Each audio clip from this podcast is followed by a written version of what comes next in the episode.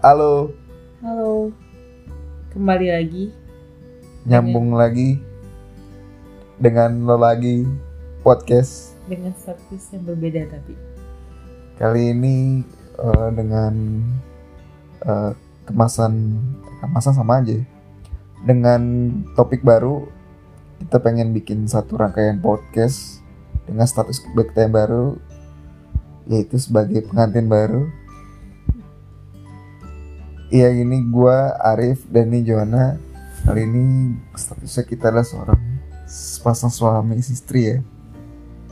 Dan kita ingin bercerita pengalaman kita mulai dari persiapan pernikahan eh, Hiruk pikuknya hingga sampai perjalanan pernikahan kita hingga setahun ke depan. Dan ini kita mulai dari episode pertama. Jadi mungkin hanya ada 12 episode saja dan kita akan coba rilis selama 12 bulan ke depan. Setiap tanggal? Setiap tanggal 4 sesuai tanggal merit kita. Kita baru merit di Juni kemarin jadi ini masih under satu bulan. So untuk pembukaan mungkin kamu cerita sedikit tentang perjalanan. cerita tentang Kilas perjalanan apa? Perjalanan kita. perjalanan kita ya jadi kita sebelumnya sebelumnya kalau teman-teman ngikutin yang di edisi sebelumnya gua sama Joanna tuh teman satu kantor gitu. Jadi kemarin selama pandemi kita banyak ngobrol banyak jalan bareng terus kita memutuskan untuk menikah di kurang lebih di akhir tahun lalu. Jadi akhir tahun lalu gue langsung oh kita bertemu keluarga berdua. Dan langsung deh dari situ langsung geber persiapan ya. Iya, singkat sih. Paling kita Des- Desember eh, lamaran. Lamaran juga bisa dibilang singkat banget eh sederhana sekali. Cuma pertemuan keluarga ya? Pertemuan keluarga aja di rumah di rumahku. di rumah Joan dari situ kita sudah memutuskan sepakat menikah saling restui ya udah dari situ kita selalu mulai mempersiapkan dengan target di habis lebaran which is itu di Juni 2021 kemarin. Untuk persiapan nikahnya sih lebih banyak ke Joan yang ngurusin. Ya kamu lah cerita coba. Eh, mungkin dari kita pertama kali kita nentuin ya berdua dulu kali ya waktu itu Hmm. start di Oktober. Hmm, dari situ kita eh, ngobrol berdua ya kita tentuin untuk nikah abis lebaran. Akhirnya gue ngomong ke keluarga. Mas Arif pun ngom- ngomong ke keluarganya. Ya udah startnya dari Oktober itu nggak lama sih. Eh, awal Desember udah mulai nyari bahan. Startnya tuh nggak kayak orang-orang yang nyari gedung dulu nggak. Kalau gue nyari bahan dulu karena emang awal rencananya kita mau di rumah ya mau di rumah sederhana aja cuman karena memang pandemi dan kondisi lingkungan rumah gue nggak memungkinkan untuk diadakan acara karena pasti protokolnya ribet akhirnya kita memutuskan untuk di luar. Dari situ eh, gue sama nyokap gue nyari gedung itu pun hanya sehari. Nyari nyari gedung sehari cuma ketiga tempat karena memang gue udah mem- mendambakan nikahan outdoor jadi memang gue hanya mencari eh, lokasi yang outdoor. Dan preferensi gue cuma dari Instagram. Dari situ cuma satu hari gue nemu gedung dengan budget yang sesuai karena sebelumnya gue sama Mas Arif udah nentuin budget eh, pokoknya nggak boleh over sampai sekian gitu.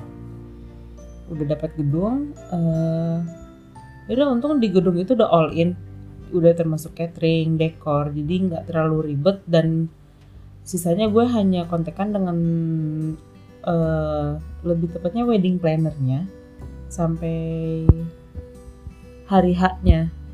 Cuman untuk kalau untuk vendor gitu-gitu sih nggak ada masalah ya karena memang sudah ditentukan dari tempat dan gue pun suka karena eh, portofolionya bagus-bagus jadi untuk itu nggak ada masalah paling kalau lika-liku selama pengurusannya mungkin dari hari aja gue udah mulai udah ada perdebatan ya sama orang tua karena memang kita maunya hari Jumat ya mas ya Iya.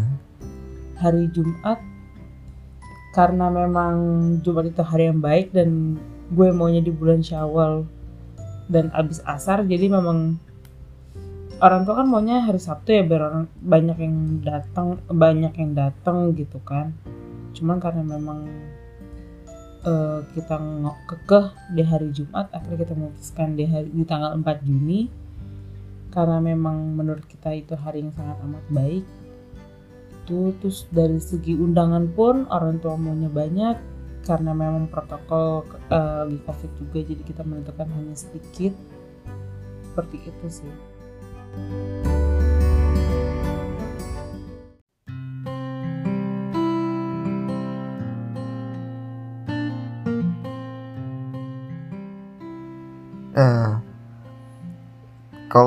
aku sebagai cowok, karena ini kan acara pernikahan kan identik ya acaranya perempuan ya sebagai secara umum. Yeah. Makanya penting aku bagi sebagai cowok tuh meng mengklirkan situasi soal budget karena sensitif sekali kan buat keluarga aku. Aku pun dari awal ke Joan sudah bilang nggak apa bukan enggak sih maksudnya ya budget kondisi budget aku sama keluarga tuh seperti itu saling terbuka lah seperti itu. makanya dari pas setelah Joan uh, menentukan tempatnya menentukan segala kebutuhannya kita mulai nge-breakdown tuh kebutuhan budgetnya.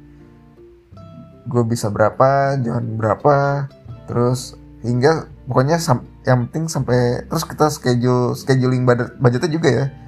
Kapan apa DP-nya, kapan DP keduanya, kapan pelunasannya, kapan apa bah beli bahan lagi buat keluarga atau buat catering tambahan lain-lainnya itu buat gue sebagai cowok dan mungkin buat John juga sebagai uh, perempuan perlu disepakatin.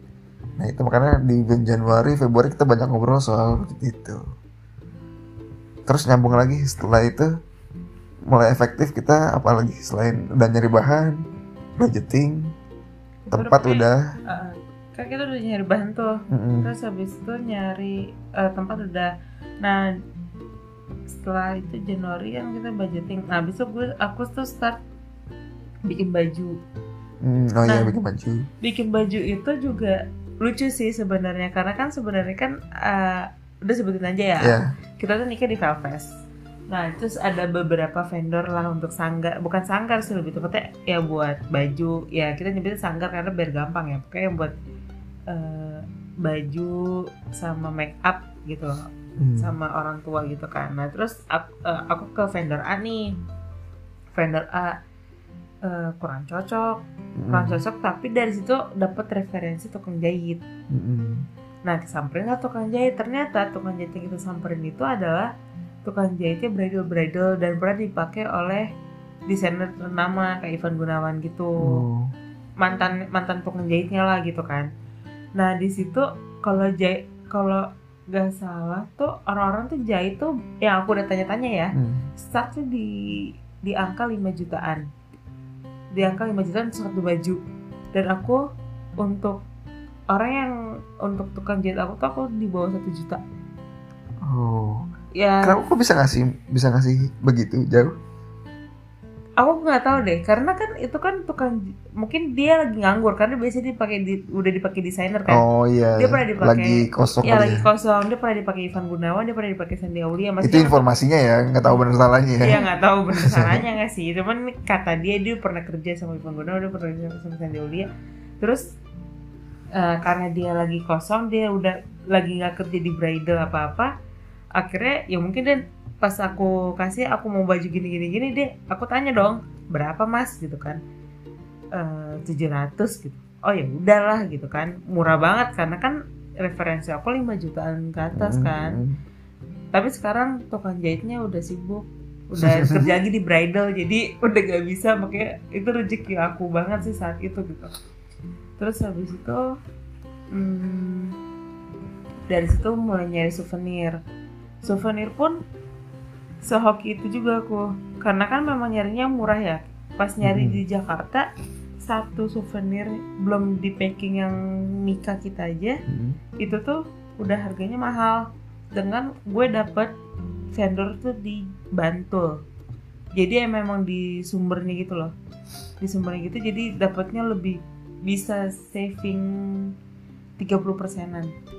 30 persen dari dari harga Jakarta Kamu nyari di IG.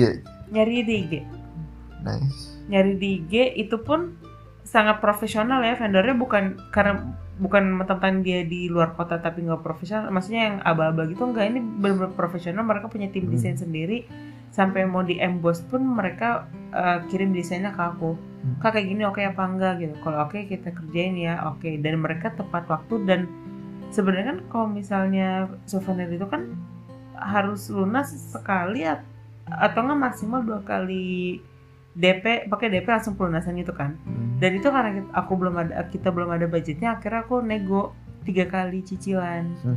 gitu dan disetujui gitu. Baik banget. iya baik banget. Dan mereka memang ada jadwalnya kayak kak pas eh, DP, berarti tiga kali bayar. DP 1 kita turun eh, kita cetak desain ya. Oke pas sudah selesai DP 2 kita produksi 3 pe- apa pelunasan baru pengiriman gitu jadi mereka emang udah udah ada schedule-nya gitu Hmm. itu pun dapetnya dari Instagram abis itu sedikit itu juga sedikit yang perlu dipahami juga paling nggak kondisi nggak enak ketika kita menikah persis setelah lebaran itu adalah kita menghadapi eh, bulan puasa yang Iya. mana tuh kita sebenarnya bisa dibilang males untuk keluar-keluar Iya. berinteraksi apalagi eh, terlebih lagi kondisi pandemi gitu. Jadi emang kita berusaha nargetin semua selesai sebelum bulan puasa ya dari dari kepastian semuanya harus sudah dapat kepastian vendornya siapa, gedungnya siapa, terus jahitnya harus sudah timeline udah masuk, udah jadi gitu. Kita juga harus nentuin make up siapa, terus makanannya apa aja itu udah harus dilakuin sebelum bulan puasa. Jadi ketika kita nikah di Juni, bulan Mei nya puasa di bulan April tuh udah sudah keluar ya kemarin tuh. mm-mm. Nah terus dari souvenir tadi nyambung lagi apa? Habis itu nyari ini MUA uh, Oh ya, uh, vendor makeup. vendor yang makeup rambut kamu. Uh, vendor makeup. Karena vendor makeup itu include sama sanggar keluar- baju sanggar baju buat keluarga ya. ya baju keluarga makeup mama ya Iya. sama bapak. Terus Itu juga beberapa ada beberapa tempat kan nyari-nyari juga. ya Kita itu keliling Jakarta, Bogor. Depok dan itu emang agak paling ribet ya karena kan gue sebagai cewek Cocok-cocokan sih kalau itu ya. Cocok-cocokan Iya. dan bener-bener selektif banget dia setiap hari tuh ngecekin IG-nya mana yang bagus dan yang otomatis yang harus on budget ya Mm-mm. dan itu dapatnya di detik-detik terakhir kayak setelah beberapa bulan sebelum gitu deh pokoknya. Eh, jadi tuh sempet datang ke gedungnya dan salah satu wedding plannernya kak coba deh eh, ke ke vendor B ini. Tadi kan vendor A ya vendor B ini. Soalnya tapi memang jauh sih adanya di Bogor. Kebayang nggak sih rumah gue Jakarta Timur harus ke Bogor gitu kan. Terus akhirnya yaudah deh kita coba gitu dan pas kita survei apa pas kita datang ya udah eh, gue punya baju dan kebetulan dia punya base cup dengan warna tone warna yang sama dan Iya. cocok dengan baju gue karena gue udah terlanjur beli bahan ya nggak Iya, mungkin dong itu gue juga perlu di yang perlu diingat ya. iya, John udah punya bahan, berarti kita harus nyari sanggar yang bisa Yang yang punya, punya stok stok menyesuaikan cup. Uh, gaunnya Joan Iya, gitu. itu agak pusing sih sejujurnya karena sejujurnya sebelumnya pernah ke vendor yang kalau si vendor ini sebenarnya punya base cup-nya ya, cuman memang gak, gak cocok dengan harganya dan dan prosedur dia. Jadi gue melepaskan vendor yang A ini, akhirnya kita ke vendor B ini. Eh enggak, sebelumnya ada lagi satu, cuman kita cuma sekali datang ya, yang di Hmm. Depok itu Iya iya. nggak cocok karena nggak punya baju yang tonnya warna sama baju gue. Iya, itu udah udah udah leman kagak cocok. Terus akhirnya kita yang ke Bogor ini yang sesuai referensi itu pun di eh, gue WA dulu eh, Mbak punya nggak base cup warna ini? Oh ada kayaknya. Barulah kita mau ke Bogor karena itu jauh jujur aja, jauh banget kalau menurut gue ya. Terus abis itu pas kita nyampe ke sana ternyata memang ada bener-bener cocok banget sama kebaya akad gue. Akhirnya udah eh, kita pertama kita hanya survei tanya-tanya doang ya Hmm. terus habis itu beberapa minggu kemudian kita janjian lagi untuk kita bawa baju kita yang ke pas sudah jadinya untuk fitting Dan itu kita disupport itu loh ya, disupport di apa sih namanya istilahnya dibikinin satu yang buat aku. Oh iya. Itu iya, baik iya. banget sumpah. iya itu baik banget. Eh, Jadi ukuran untuk gua tuh nggak ada nggak ready lah untuk acara. Kan tapi karena masih ada spare waktu di prepare lah ya ukuran buat gua. Hmm, yang hmm. warnanya juga cocok. Sebutin aja iya sebutin aja. soalnya ini recommended banget ya. Ini benar-benar recommended untuk eh, tempatnya namanya Syaira Wedding Gallery di di Bogor pokoknya ada di Bogor Syaira Wedding Gallery. Nah itu tuh gue ke sana cuma empat kali datang. Terus yang terakhir tuh dan apa? Nggak eh, pokoknya Dian teteh eh, gue manggilnya teteh ya teh Tita nih eh, mau untuk nyariin jas. Kan kita kan ada dua acara ya akad sama resepsi. Mm-mm. nah yang akadnya udah beres karena ada base cup mirip mirip apa warnanya tonnya sama persis dengan baju gue dan hanya perlu resize.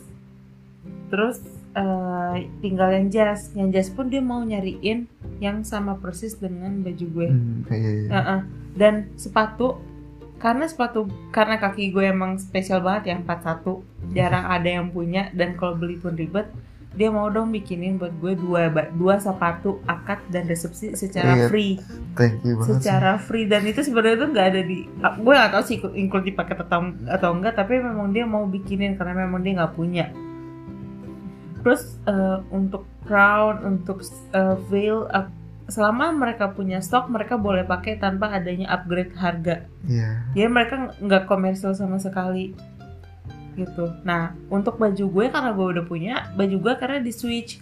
Karena awalnya kan eh, untuk di switch kok baju orang tua. Karena kan sebenarnya orang tua pria kayak bapak bapak tuh nggak dapet.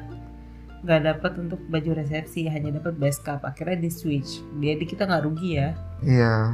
Bisa di ya bisa didiskusikan sih sama mereka Mm-mm, baik banget. Mereka pokoknya baik banget dan terakhir dia bilang dia bikinin base cup baru untuk Mas Arif padahal dia, dia sebenarnya udah punya base cup nih yang Hmm. tonnya warna sama persis kayak baju gue tapi eh, karena dia punya bahan jadi dibikinin baru khusus buat Mas Arif jadi ibaratnya Mas Arif pakai base cup baru lah yang benar-benar Yang baru benar gitu. fit Dan sama itu- badan lah. Eh, yang fit dengan badan dan itu kita amazed banget kayak baik banget dibikinin base cup baru gitu tanpa ada penambahan biaya sama sekali Iya. gitu. Terus untuk make upnya pun pas hari H bagus sesuai yang ekspekt- eh, sesuai dengan ekspektasi gue karena emang sebelumnya itu eh, gue ngasih referensi maunya seperti ini make upnya dan dia bisa eh, bisa sesuai ekspektasi gue dan yang namanya cewek kalau misalnya make upnya nggak bagus kan pasti nggak pede ya pas nikah ya Hmm. cuman ini bener-bener bikin aku pede banget saat itu gitu oke eh, itu untuk Itu untuk apa namanya? Makeup dan itu lah ya, mm-mm. sanggarnya. untuk dekor nggak ribet juga ya kita ya Dekor enggak dekor kita cuma pas kita dapat re- rekomendasi yang apa namanya dari wedding planner juga yang udah sering di situ. mm-mm. Apa sih namanya sih?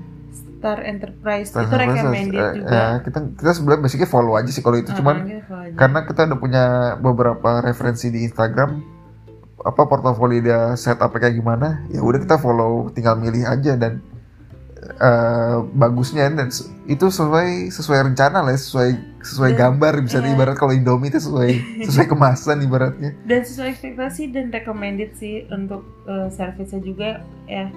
Terus karena oh ya s- eh, dekor sama catering kita sama.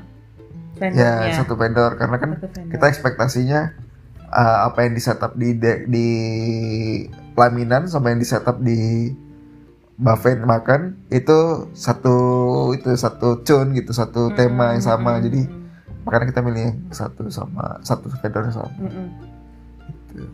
nah jauh jauh eh, bukan jauh sebelum itu berapa bulan sebelum itu kita udah ada private juga dibantu sama dari fotografer sana juga ya dari vendor yang sama kan dari Karta. dari Karta itu bagus juga Jadi kok. kita datang ke karena pandemi ya kita datang ke studio mereka dan ya so so far so good lah ya So, dengan Mm-mm. hasilnya. Kita kita pakai kok dengan untuk beberapa kebutuhan kita pakai hasilnya. Untuk acara kurang lebih seperti itu. Jadi di bulan kita waktu meeting terakhir tuh di bulan puasa tuh bukan ya? Di enggak dong abis puasa. After habis puasa ya jadi abis puasa dua minggu sebelum acara kita seminggu baru setelah lebaran lah. seminggu setelah lebaran setelah lebaran kita final meeting semuanya. Technical meeting. Technical meeting semuanya. Kita baru ya kita semua dengan kondisi semua vendor sudah ready. Terus juga WO nya juga sangat kooperatif banget ya masih anak-anak muda semua dari teman-teman dari VLVS UI ya so far sesuai semua acara sesuai berjalan sesuai rencana ya. Dan justru kekhawatiran kita muncul di cuaca. Pokoknya kalau untuk vendor semua oke ya. Semua oke semua sampai oke. titik itu di sampai titik itu sesuai rencana kita pengen selesai di bulan pokoknya sesuai rencana Ramadan sesuai kita dapat ya. sesuai, sesuai budget. Pokoknya budget oke. Eh, pokoknya semua vendor sesuai harapan kita sesuai harapan oke, mereka bagus. perform sesuai ekspektasi kita. Sesuai ekspektasi kita cuman ketika akad ketika di bulan Juni di seminggu sebelum acara kita udah was was tuh. Iya. Tugas kita karena kita main kita uh, outdoor. outdoor ternyata cu- cuaca tuh mendung terus selama seminggu Iya, belakangan. sama. Padahal hujan. ekspektasi kita di bulan Juni kan cerah ya. Udah mulai musim Summer lah ya. ternyata seminggu kemudian banyak hujan. Yang di highlight tadi kita nggak pakai pawang. Karena yang memang kita tidak ingin ada pawang-pawangan di nikahan kita. Jadi kita benar-benar murni. Dan pokoknya itu ham, eh, malam sebelum acara eh, aku tuh selalu ngecek ini loh perkiraan cuaca ya. Ya cuaca itu ya. perkiraan cuaca pokoknya kalau bisa dilihat tuh yang hujannya tuh 90% Hmm. 90% pasti hujan di jam kita nikah. Hmm. di sorenya gitu. Terus pas besok paginya cek lagi turun 80% pas aku di makeup cek lagi 70% terus kok nggak kok nggak turun-turun nih padahal cuacanya cerah saat itu. Terus akhirnya tiba-tiba WO ngetok "Eh, kak mau dipercepat nggak? Karena sudah mendung. Itu aku yang udah di makeup lagi seneng-seneng. Yang ada malah deg-degan banget. Terus akhirnya kita ya udahlah kita kita stop dulu Hmm. itu. Kita mulai kita masuk ke tanggal 4 Juni 2021 ke hari Iya. pernikahan kita. Di hari pernikahan kita. Jadi kita rencana nikah tuh di asar eh ya jam 4 lah, kurang lebih tepatnya asar. Eh ba'da asar di hari Jumat itu. Kita ke alhamdulillahnya pagi itu udah kosong acara di Velfest itu. Jadi kita bisa dapat spare waktu yang panjang dari pagi bisa persiapan kan. Kita jam 11 udah ready di tempat kan. Karena ada Jumatan juga di hari itu Jumat. Dari Jumat itu masih panas sebenarnya kan. Dapat panas. Tapi ketika udah mulai jam 3an mataharinya udah mulai berkurang tuh kalau kamu sadarin ya kalau karena kamu di dalam Ya, aku dalam dalam kan aku kan. udah udah di luar tuh udah ready lagi lagi beauty shoot Hmm. itu udah mataharinya udah berkurang aja anginnya udah mulai ada zzz. terus si tim WO nya kan udah mulai eh kak di apa dipercepat kan Iya, minta dipercepat, dipercepat deh. temen-temen WO nya Heeh. terus juga apa namanya pas aku sebenarnya pribadi ya aku pribadi tuh nggak begitu tahu rundown acaranya akan seperti apa aja gitu. Jadi ketika kita kirap eh apa serah terima itu ya serah terima Ya, ternyata- nggak tahu, itu kan ternyata cukup makan waktu kan. Kita nggak tahu yang- yang Iya, ngomong tuh berapa lama kita nggak tahu terus ngali jalan jalan kira. Bahkan sampai di meja pelaminan pun di meja akad ini kok kagak mulai mulai kagak akad akad justru gue pribadi tegangnya di situ sebagai cowok ya di situ dan puncaknya pas di hari pas di akad itu kita udah mulai dipayungin tuh kondisinya Iya. Enggak, jadi itu pas aku kirap tuh belum ya. Pas aku kirap belum. Tapi pas Belum. aku duduk di meja akad, pas khutbah nikah. pas. Khutbah nikah penghulu buat nikah, tiba-tiba netes lah air dari langit.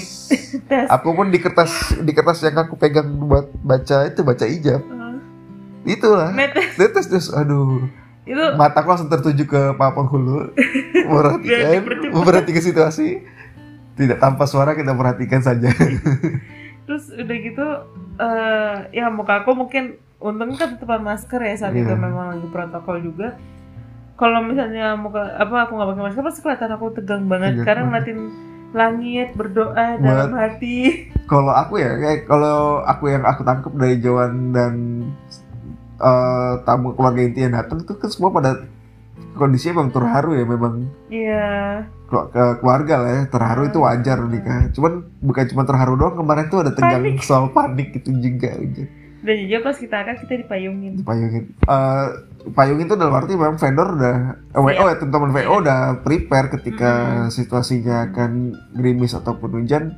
Ketika akad kita akan dipayungin. Dan itu kita sudah tahu di technical meeting kondisi mereka tahu uh, udah setiap tapi tentu itu di luar rencana dong. Tidak kita Mm-mm. tidak ingin dong. dipayungin tapi alhamdulillah setelah akad setelah akad, akad. setelah tanda tangan semuanya ternyata payung itu bisa dilepas kan hujan ya tuh udah udah nggak hujan. tidak jadi nggak tidak hujan nggak jadi. Itu bersyukur terus, banget ya, kita. bersyukur banget sih. Abisnya kan kita ganti baju tuh. Terus jam enggak. sebelum itu kita foto-foto. cuma bisa dapat foto keluarga inti aja kan ya Iya, karena memang inti. keluarga inti saja. Karena memang kita dikejar Nah, untuk foto berdua. target kita close pelaminan di akad itu kan setengah enam kalau di rundown eh ternyata jam 5 itu sudah gelap banget. Yes. udah gelap banget dah. Kita aja langsung buru-buru BTS BTS ya waktu itu ya langsung buru BTS. BTS buat konten anak-anak fotografer kan. Ya udah kita habis itu jam 5 udah gelap kita langsung udah masuk ke ruang ganti lagi dan tamu-tamu yang di akad itu udah masuk ke acara indoor. Itu juga Iya. kelebihan dari Velves dia punya tempat a- indoor area dan outdoor area Iya. ya begitu jadi pas sebelum masuk acara Ramatama atau resepsi WO nya udah confirm dulu kan ke kamu.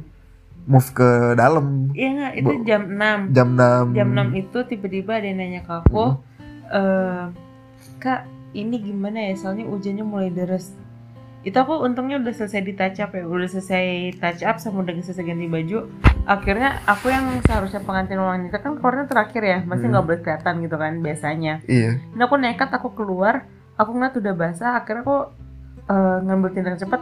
Ya udah kita selamatin makanan aja. Untuk panggung tetap pokoknya aku aku cuma nyelamatin makanan aja gitu Iya. kan. Karena makanan kalau udah kena air nggak mungkin dimakan dong. Iya. Akhirnya pindah ke dalam. Abis itu eh, setengah jam kemudian hujannya berhenti lagi. Itu kan jam 6 ya kita kan beauty shoot jam 6 lewat ya. Eh nggak iya nyampe setengah jam bahkan langsung kayak setengah enam mu- mulai hujannya mungkin setengah enaman ya. Aku lupa sih aku ngeliat sebenarnya jam. kalau aku sendiri sih nggak nggak pernah nggak ngeliat hujan ya jujur tapi ya. lantai basah loh. Lantai basah nggak- banget. pas aku keluar ya setengah enam lewat sih aku nggak ngeliat nggak ngeliat hujan sih. Cuman memang kondisi di dalam ya aku sih nggak ada masalah pribadi ya. Karena pas aku tanya temen-temen wo tetap acara ternyata bisa dila- bisa dilakukan di luar. Iya. Itu happynya kita tuh oh ya udah tetap datang luar nggak apa-apa. Justru acara justru merasa maksimal lah semua area jadi kita Iya, kuasain. jadi kita kuasain lantai satu jadi hidup. Iya dia kadang emang rencana Tuhan mungkin ya dikasih hujan biar aku bilang makanan ke dalam jadi itu bener-bener suasana di dalam dan di luar hidup. Hidup semua padahal itu bener-bener kalau hidup jadi kalau kondisi awal semua di luar Uh-uh. outdoor indoornya otomatis jadi sepi aja bahkan Hmm. cenderung eh, gelap lah kalau Oh, kalau iya. nggak dinyalain semua gitu uh-uh. nah ini karena ada keadaan itu indoor jadi hidup di luarnya pun tetap hidup gitu jadi di atas ekspektasi lah ya jadi kayak ya dan pas jam 6 lewat kita beauty shoot dan itu hujan udah berhenti. Alhamdulillah. Hujan berhenti jadi acara kita nggak pakai payung. Nggak baca payung. Udah sesuai Nah, ada.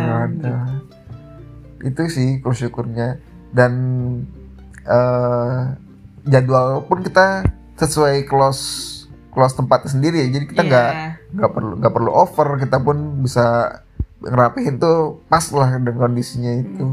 Dan kita pun eh, nggak seperti acara-acara yang terlalu kaku ya. Nggak karena kan undangan nggak terlalu banyak jadi tuh eh, beberapa jam kita eh, beberapa menit paling ya. Mm, satu jam sampai satu setengah jam kita di panggung tuh kita udah bisa mingle. Bisa udah minggu jadi jadi jatuhnya kita memang berbaur dengan Yes. tamu gitu. saat kalau ya mungkin dapat 90% tamu bisa dapat ya dapat kenangan foto dari kita lah ya Nah, kurang lebih ya kita, karena eh, say thank you ya Say bisa thank you, langsung turun itu ya syukurnya di situ.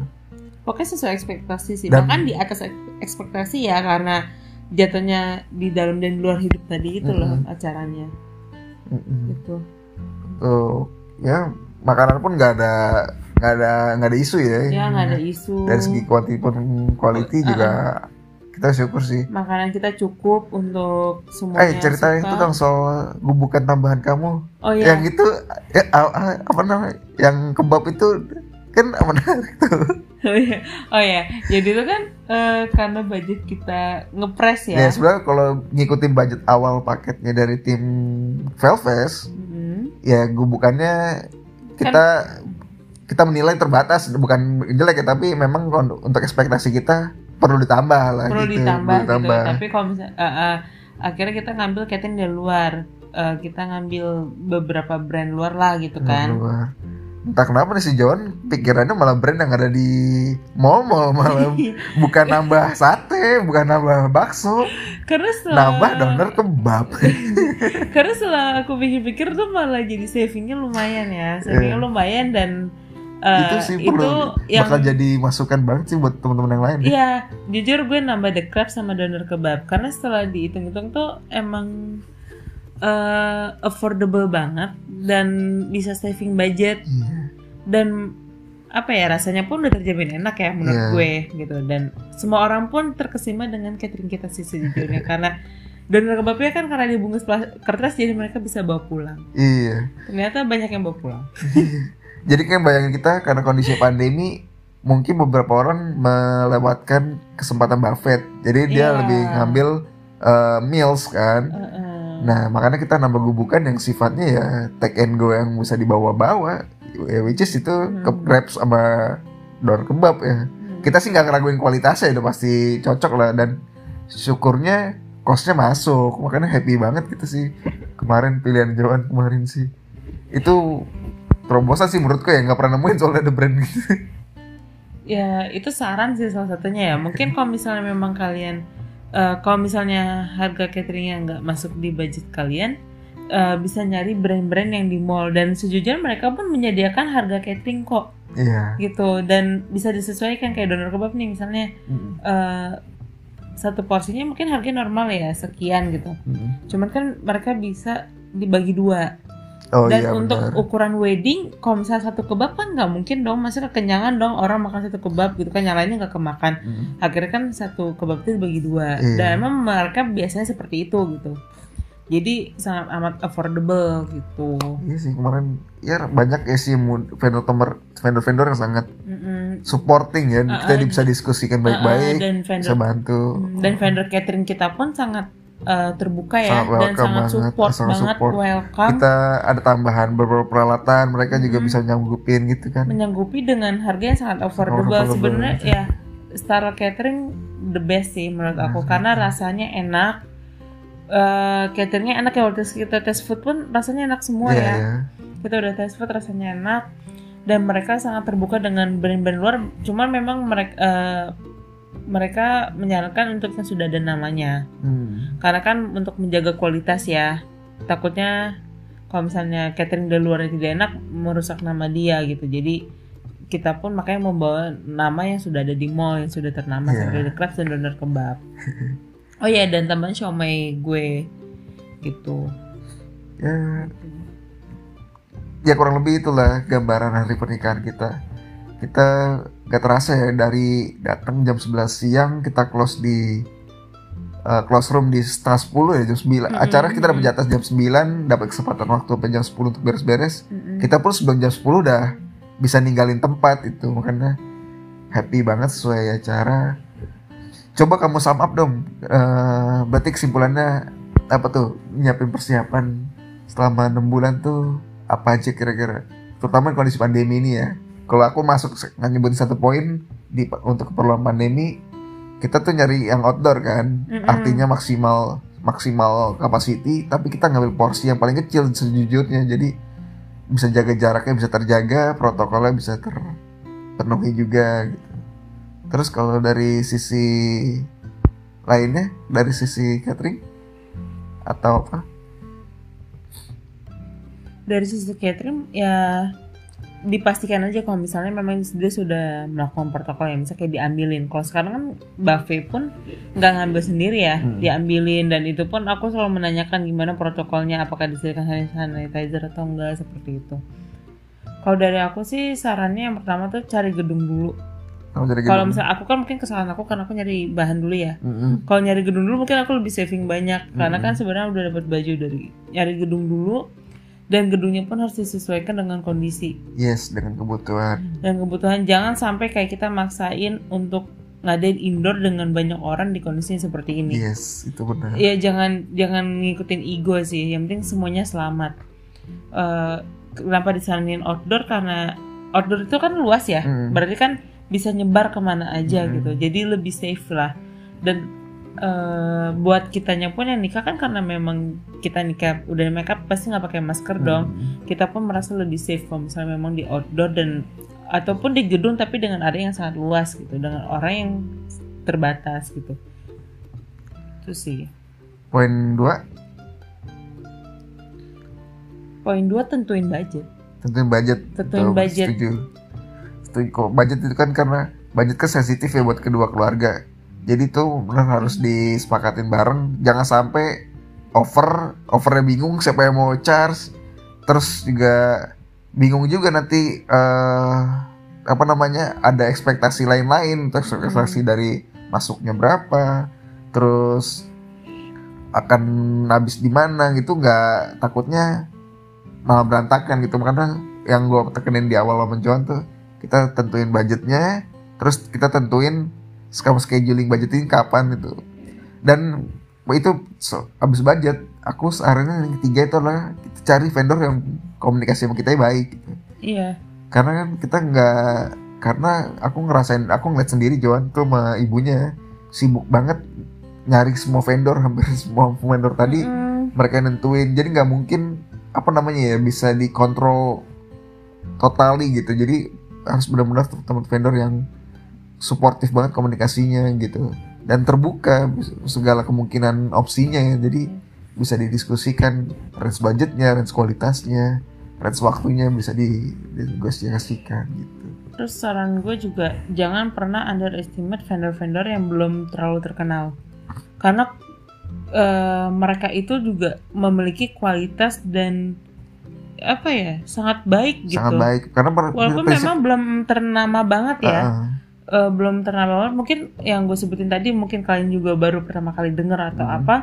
Tapi sejujurnya mereka mereka yang aku gue sebutin itu walaupun belum begitu hype kayak vendor-vendor yang udah ternama lainnya, tapi kualitasnya sangat baik. Iya. Karena prinsipnya Gitu. mereka itu pengen bertumbuh kan Iya. kalau kita kalau kita boleh share profile tuh mereka tuh masih muda-muda. Mm-mm. Mereka lagi senang nyari proyekan lah orangnya Hmm. WO teman-teman WO kita aja kemarin anak muda semua kan. Iya. Anak-anak kampus mungkin anak-anak UI. Jadi ya mereka seneng sih. Makanya prinsipnya komunikasi sama vendornya harus klop sih. Makanya tadi kita beberapa vendor yang kita skip juga karena komunikasinya kan nggak begitu baik. Hmm. ketika Ya. klop enak kita mau kondisi kondisi jarang jarang ketemu seperti pandemi ini kita bisa percaya pada akhirnya gitu Dan gunakan segala sumber informasi Hmm. kayak dari sosial media. Kayak aku pun nyari tempat nyari tempat nyari souvenir semua dari Instagram kan. Hmm. dan cek semua portofolionya walaupun itu vendornya kalian baru pertama kali dengar atau nggak terlalu terma cek portofolionya di sosial media gitu dan survei datang langsung gitu itu sih dan mindsetnya sih yang diubah jangan jangan bikin acara untuk nyenengin orang tapi untuk sesuai dengan nyenengin diri kita sendiri. Iya. gitu. so finally are you happy? Banget. Banget. I'm very happy karena sesuai ekspektasi dan ya jujur memang kadang-kadang suka ada slack kan di dalamnya gitu. Cuman di sini gue tekanin gue selalu bilang ini nikahan gue dan gue maunya seperti ini. Gitu. Jadi kalau orang-orang kayak gini pasti kan banyak orang ngomong gitu ya. Hmm. kalau orang lain seperti ini nggak ini nikahan gue dan gue maunya kayak gini gitu. Dan sekarang kalau ada orang tamu-tamu kita nanya pada nanya budgetnya berapa? Kita sih berani nyebut angka yang lebih besar ya.